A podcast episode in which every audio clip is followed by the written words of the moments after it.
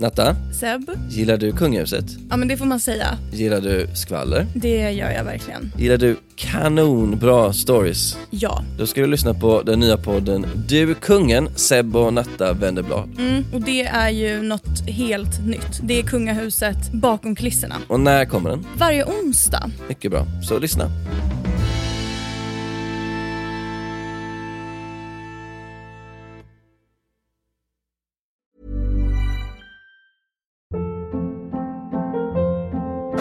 Hold up. What was that? Boring. No flavor. That was as bad as those leftovers you ate all week. Kiki Palmer here, and it's time to say hello to something fresh and guilt-free. Hello Fresh. Jazz up dinner with pecan-crusted chicken or garlic butter shrimp scampi. Now that's music to my mouth. Hello Fresh. Let's get this dinner party started. Discover all the delicious possibilities at hellofresh.com.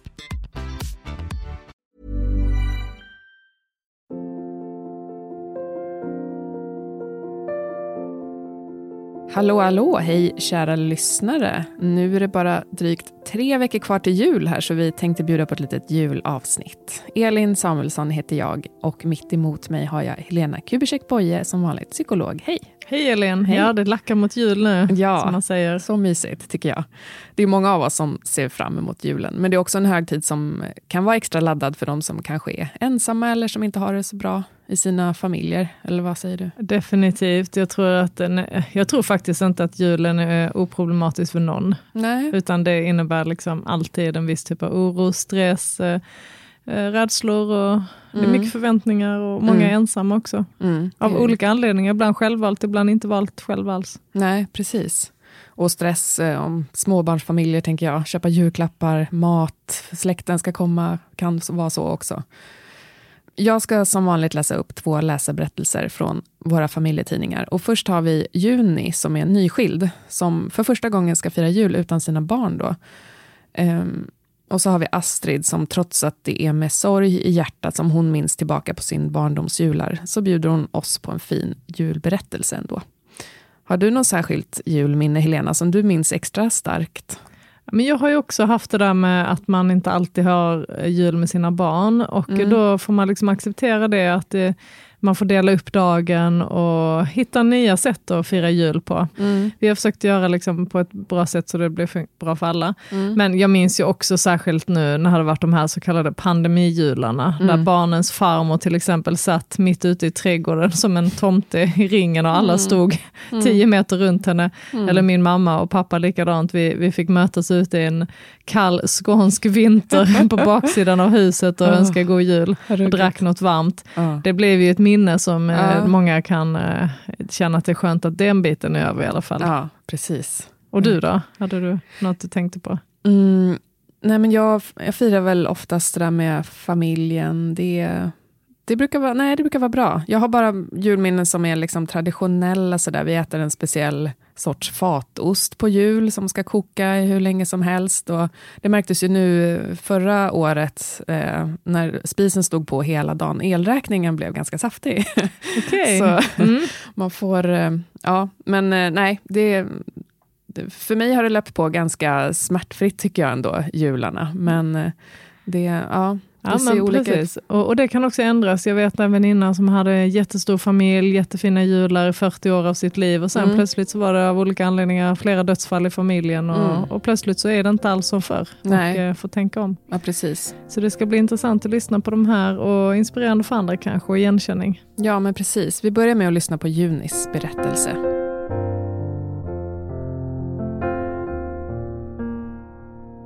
Jag visste ju att hälften av alla äktenskap slutar på samma sätt, vilket betydde att jag var en av tusentals föräldrar som inte skulle fira jul med sina barn detta år. Ändå gjorde det ont när min dotter Emma på sju och min son Karl på bara fyra år vinkade adjö till mig för att tillbringa julen hos farmor och farfar. Mina ögon sved när jag skyndade mig upp för trapporna och in i lägenheten igen. Mest av allt ville jag lägga mig i sängen, dra täcket över huvudet och stanna där tills julen var över. Min väninna Ulla som jag pratade med lite senare hade varit skild länge och bekräftade att precis så där kändes det de första åren. Men det går över, försäkrade hon. Själv hade hon mött en ny man och i år skulle hon fira jul med honom och hans barn och sina egna barn. En stor, ny familj alltså. Det är tufft nu, men med tiden kommer du sätta värde på jularna utan barn också, trodde Ulla. Det trodde inte jag. Jag valde att jobba på julen. Jag var säker på att det skulle bli förfärligt deprimerande, men jag hade anmält mig frivilligt. Mina föräldrar var bjudna till min brors familj och även jag var välkommen, men jag ville inte ge mig iväg så långt. Istället hade jag för första gången satt upp mig på listan över de som kunde jobba över jul.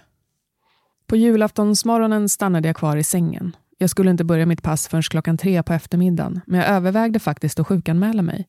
Jag kände mig ledsen, uppgiven och utan energi. Kollegorna hade det bättre utan mig, tänkte jag. Barnens pappa Mikael hade träffat en ny kvinna. Barnens farmor hade bjudit in även mig till julafton, men jag hade tackat nej. Jag var fortfarande alltför tagen av skilsmässan för att kunna sitta i samma rum som Mikael och veta att han köpt julklapp till en annan kvinna i år. Jag vände mig om i sängen och famlade efter mobilen. Jag hade gråtit mycket och min röst bar knappt. Det behövdes bara ett samtal till jobbet och sen kunde jag bli liggande här hela julen. Men i samma ögonblick som signalerna gick fram la jag på igen. Jag fick dåligt samvete. Så här kunde jag inte göra. Varken mot mina kollegor eller de boende som inte hade någon annanstans att ta vägen över jul. De satt där ensamma utan familjer. Eller ensamma för att familjen inte brydde sig om dem. Jag gick ut i badrummet och sköljde ansiktet med kallt vatten. Så glodde jag in i spegeln och sa till mig själv på skarpen. Du har familj och vänner. Du är bara skild. Min kollega Sören hade blivit glad när han förstod att jag skulle jobba över jul. Själv hade han tagit ett dubbelt pass eftersom han skulle vara ledig mellan jul och nyår. Det var trots allt en ljuspunkt i eländet att Sören också skulle jobba, tänkte jag när jag cyklade mot jobbet. Flera av de gamla hade redan blivit hämtade. Några satt i korridoren och väntade på att ge sig iväg. Mina fördomar kom på skam när jag såg att det inte alls var de minst sjuka som blev hämtade till en familjejul. Erna som brukade gå omkring och ropa på sin döde man för att de skulle hinna med sista bussen hem, blev eskorterad ut till bilen av sitt barnbarn. Ute på trottoaren stod Johan i sin finaste kostym och väntade på sin dotter, som bodde långt bort men skulle komma och hämta honom. Hon susade in genom ytterdörren när jag kom ut ur personalrummet. Hon var anfodd, hälsade och önskade god jul och tog sin demente gamle far under armen. Och lite julstämning infann sig trots allt även för mig. Från allrummet hördes jullåtar på pianot. Det var Sören som satt och spelade för en handfull boende, bland annat för Ketty som kunde skryta med att vara äldst i huset med sina 98 år. Sören reste sig för att ta ett larm på ett rum. Det var mycket att göra, men stämningen var annorlunda.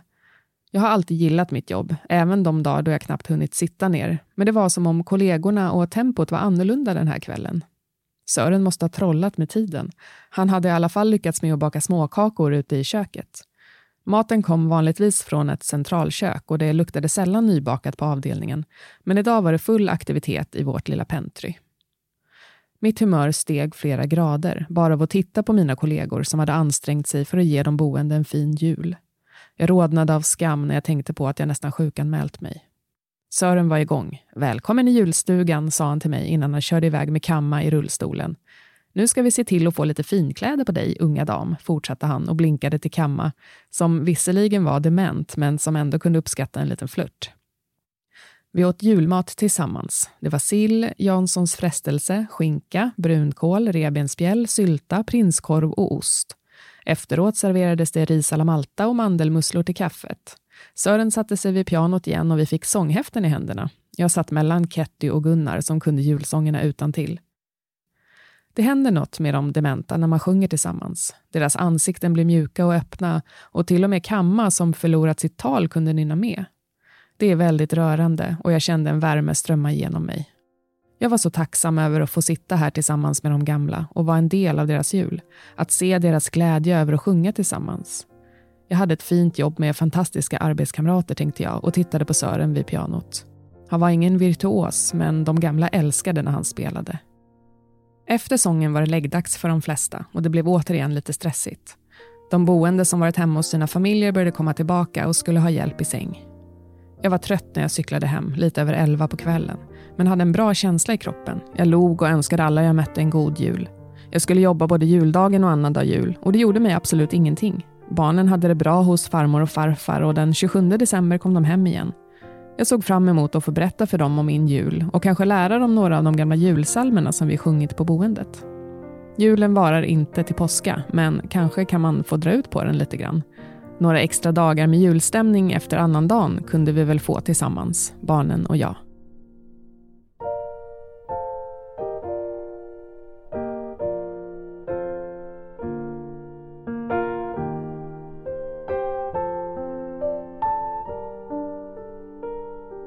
Ja, vi, vi kör ingen break här som vi brukar ta i berättelsen, utan det får stå för sig själv den här. Vilken fin jul Juni fick ändå. Hon hade ju turen att ha ett jobb att gå till på jul istället för att sitta hemma själv. Men det kanske är en bra strategi det här att göra något helt annorlunda på jul. Eh, om man inte firar som man vanligtvis brukar. Liksom. Kanske se om man behövs som volontär någonstans om man inte har ett jobb eller så. Jag tycker det låter jättebra som du skriver här och man har eh, alltså en föreställning av hur julen ska vara. Och här väljer Juni att uh, säga ja till någonting hon inte egentligen vill säga ja till, mm. varken att jobba eller gå dit. Och Nej. plötsligt så får hon upplevelser hon inte trodde hon skulle ha. Alltså mm. det här att plötsligt dela det här med de gamla och, och så, och mm. kollegan. Det lät jättemysigt, jag hade gärna varit ja, där. Ja, verkligen. Det känns ju verkligen som en, en gemensam julkänsla, julstämning. Ja. Så hon fick ju någonting helt annat här än vad hon trodde. Verkligen. Men eh, det är ju många som faktiskt är ensamma på jul. Man kanske varken har familj eller vänner eller jobb att gå till och sådär. Vad innebär julen egentligen för ensamma människor? Ja, men den, eh, är, den kan vara smärtsam och den kan ge sig påmind både om att man kanske inte har familj eller vänner eller ett liv som ser ut som man kanske önskar eller som andra har. Mm. Eh, I sociala medier kan sätta igång mycket tankar och känslor. Jag vet många som undviker sociala medier mm. för att det blir så jobbigt att se alla andra som verkar ha det så mysigt och bra. Ja, just det. Och um, en del, jag menar, nu pratar vi många som lyssnar kanske ja, mitt i livet så, men det finns ju också till exempel äldre som har förlorat sin partner, har mm. firat och alltid haft en, alltså plötsligt är man helt själv på mm. julen. Mm. Det finns de som har den här situationen med barnen. Mm. Och Ja, det kan vara familjer som inte fungerar för det finns konflikter eller missbruk och annat. Så mm. det är, ja, jag tror det är faktiskt väldigt mycket mer vanligt än vad vi tror. Mm. Um, mm. Och det innebär ju att man eh, på något sätt, eh, det blir så påtagligt. Jag vet ju en del som dricker sig igenom julen för det blir så jobbigt. Um, man vill bara vakna sig över. Okay. jag mm. hörde om en ensamstående pappa en gång första julen, han skulle vara själv, så han hade, han hade inga missbruksproblem så, men han bara, det är jag de här ölen ikväll och, mm. och en film och så ska jag bara överleva. Och imorgon okay. vaknar jag så kommer mina barn igen. Ja. Mm. Det var, kändes så sorgligt men mm. han... Eh, ja. Man hanterar det på olika sätt. Ja, han eh, hade nog mått bättre av att göra som Juni gjorde. Mm, precis.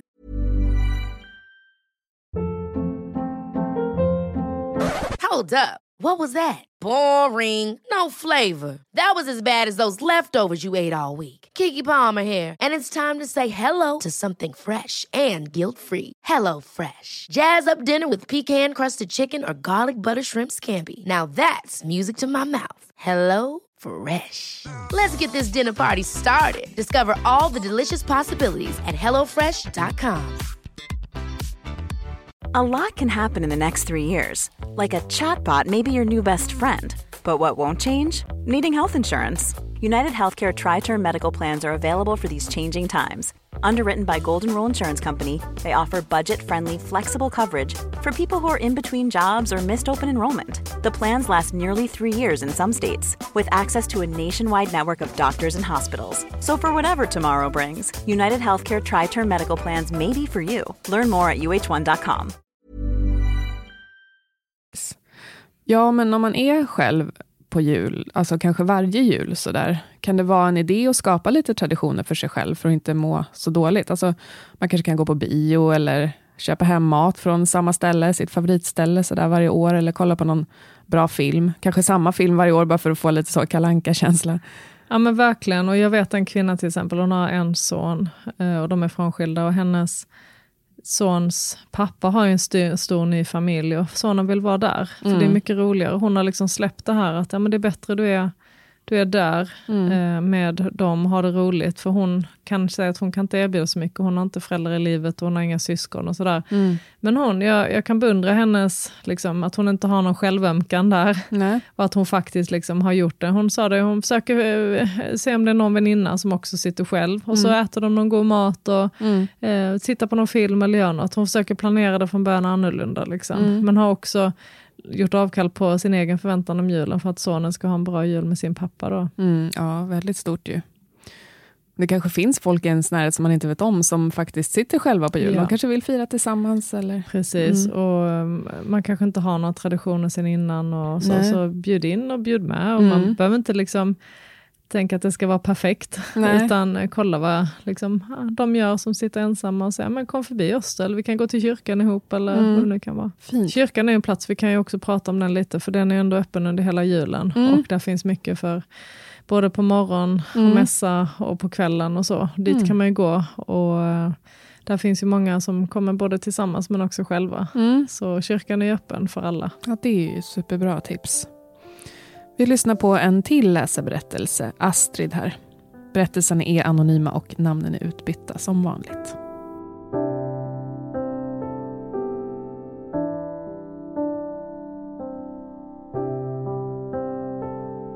Det är med sorg i hjärtat som jag minns min barndoms jular.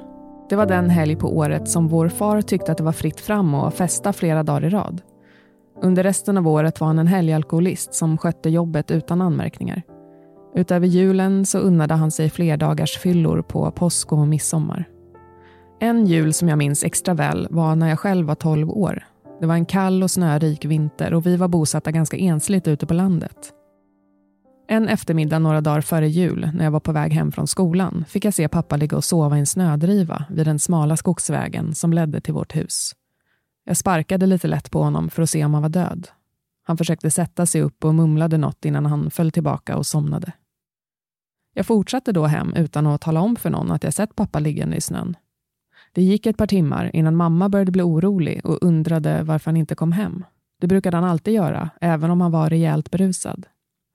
Jag visste ju var han fanns och min önskan just då var att han skulle frysa ihjäl så att vi slapp honom. Men efterhand som mammas oro ökade sa jag till slut att jag kunde gå ner till busshållplatsen och se om han kanske satt där.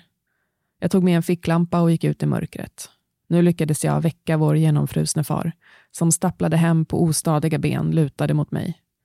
Väl inomhus hjälpte mamma honom i säng och tackade Gud för att han hade blivit räddad. Dagen innan julafton hade pappa lovat att hämta en julgran, men eftersom han varit berusad redan på förmiddagen så blev det inget med detta.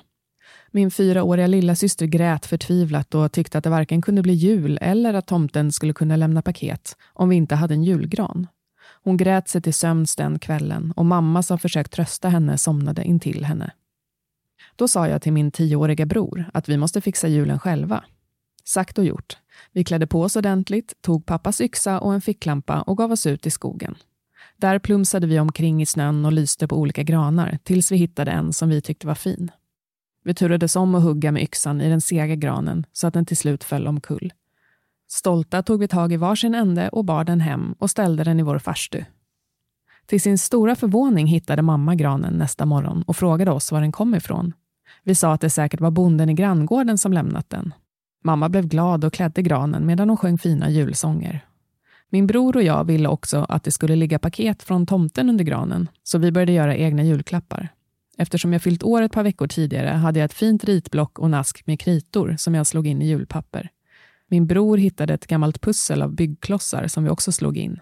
Det blev julklappar till vår lilla syster. Mamma hade som vanligt köpt strumpor och underkläder till oss alla som hon lagt in i julpapper. När lilla syster vaknade på julaftonsmorgon fanns det både gran och paket. Vi sa att tomten hade lämnat dem när han åkte förbi på natten. Det blev en fin julafton med skinka och rotmoslåda, risgrynsgröt och pepparkakor. Pappa var ganska nykter ända till kvällen och min bror och jag lärde vår lilla syster julsånger som vi lärt oss i skolan. Ett par dagar efter jul mötte vi tanten från granngården. Hon sa att hon sett våra fotspår i snön och att vi varit i skogen. Vi började gråta och bad om förlåtelse och vädjade om att hon inte skulle skvallra för mamma. Tanten bad oss komma med in till henne. Där satt hela hennes familj och hade elva kaffe. Hon bjöd oss på varm choklad och bullar medan hon berättade för sin familj att hon tyckte vi var duktiga som ordnat med en jul på egen hand. Farbrodern sa att det var bra gjort men att vi måste lova att säga till honom nästa gång vi ville ha en gran, så skulle han hjälpa oss. Vi fick med oss en påse goda bullar och kakor och de kramade om oss och önskade god fortsättning till hela vår familj. När jag sedan fick egna barn försökte jag göra så mysiga och pyntade jular som min begränsade ekonomi tillät. Nu är jag ensam och brukar bli bjuden till min dotter som bor i samma stad. Hemma blir det någon ljusstake i fönstret och några gamla juldukar på borden.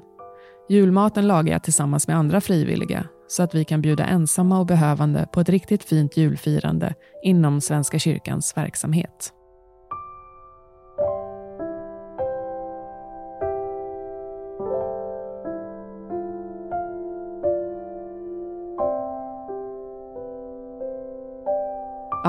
Historia med både värme och smärta. Ehm, ett fint slut i alla fall. Men Helena, kan du ge en bild av hur det är att växa upp med en missbrukande förälder som Astrids pappa här, som då var full på julafton och andra helger? Men det är ju detta att eh, man kan inte ha tillit till att föräldern eh, tar sitt ansvar och Nej. finns där på det som behövs. Nej. Och Det här är jättemånga tror jag som känner igen sig i de här beskrivningarna. Sen är det ju väldigt vanligt att barnen får vara de vuxna. Mm. Och barnen får ta ansvar för det som vuxna mm. skulle gjort. Mm. Och här gör ju de det. Ja. Även om hon tänker att det blev fint, liksom, att det blev ett, ett, en, en jul där de gjorde på ett annat sätt, mm. så måste det ändå varit med baktanken, eller, eh, alltså att pappan ändå var Mm. Så pass eh, jag låg där ute i en snödriva. Ja, precis. Ja, så eh, de här barnen växer upp och får bli vuxna för tidigt och tar de vuxnas roller och ansvar. Mm. Mm. Det är en otrygg miljö, det är ovisst. Det är, framförallt kan bli ännu värre inför eh, eh högtider. Det är därför man brukar prata om att eh, ta en vit jul. Mm. Och jag tycker det är en bra slogan, jag kommer inte ihåg var jag läste Nej. den, men äh, att äh, vem blir påverkad när du dricker? Just det. det är kanske inte bara du, utan det är barnen och allt omkring. Ja, ja precis. Ja, det är just liksom jul och påsk och midsommar som Astrids pappa tycker att det är fritt fram och festa flera dagar i rad. Vad är det egentligen det här med högtider och alkohol? Ser man traditionellt långt tillbaka så är det så här, röda dagar, inget arbete, man är ledig. Mm. Gammal liksom, tradition och kultur av att uh, arbeta eller så är man ledig.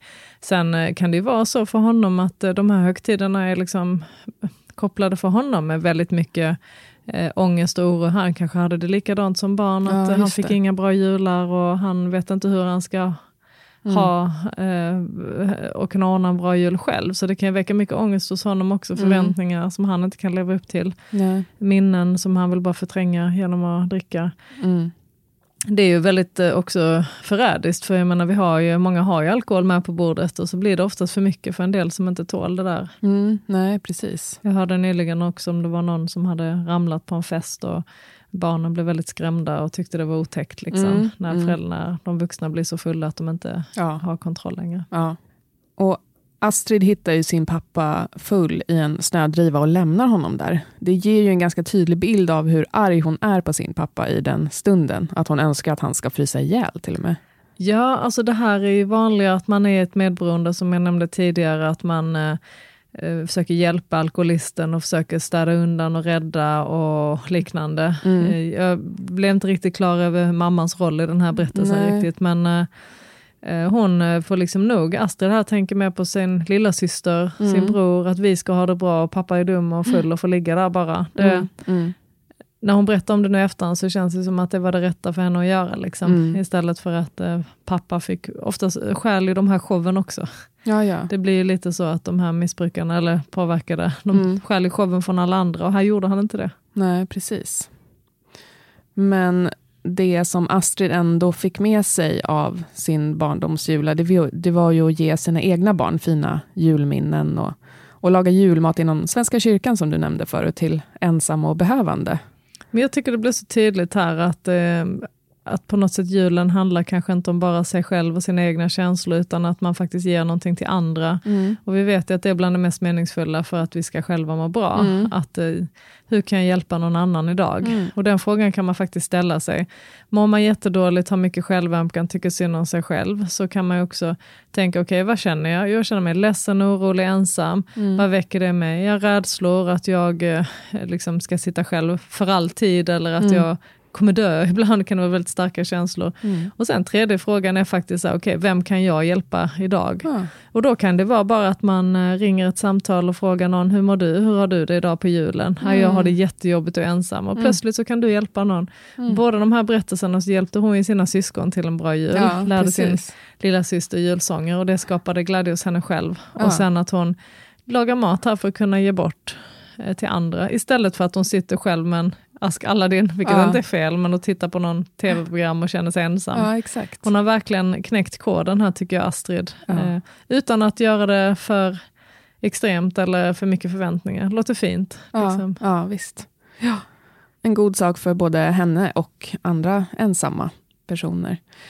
Fint. Det var allt för den här premiärsäsongen. Vad kul det har varit, Helena, att göra podd med dig. Ja men verkligen Elin, tänk när vi började och nu har det gått liksom, ja, vad är det, 15 Mm. avsnitt som vi har spelat in ihop. Precis. Och vilken bredd och djup alla läsarberättelser och Mm. jag har fått så mycket feedback. Det var någon som sa att den är beroendeframkallande Mm. och man känner igen sig på något sätt i alla avsnitt och teman, även om man inte gör det kanske just nu, som Nej. man varit med om det innan eller hört talas om det. Det gör vi nog alla, verkligen. Jättestort tack till er som har lyssnat. Och så får vi säga god jul och gott nytt år tills vi hörs igen. Ha det bra, hej då! Hej då, god jul! God jul!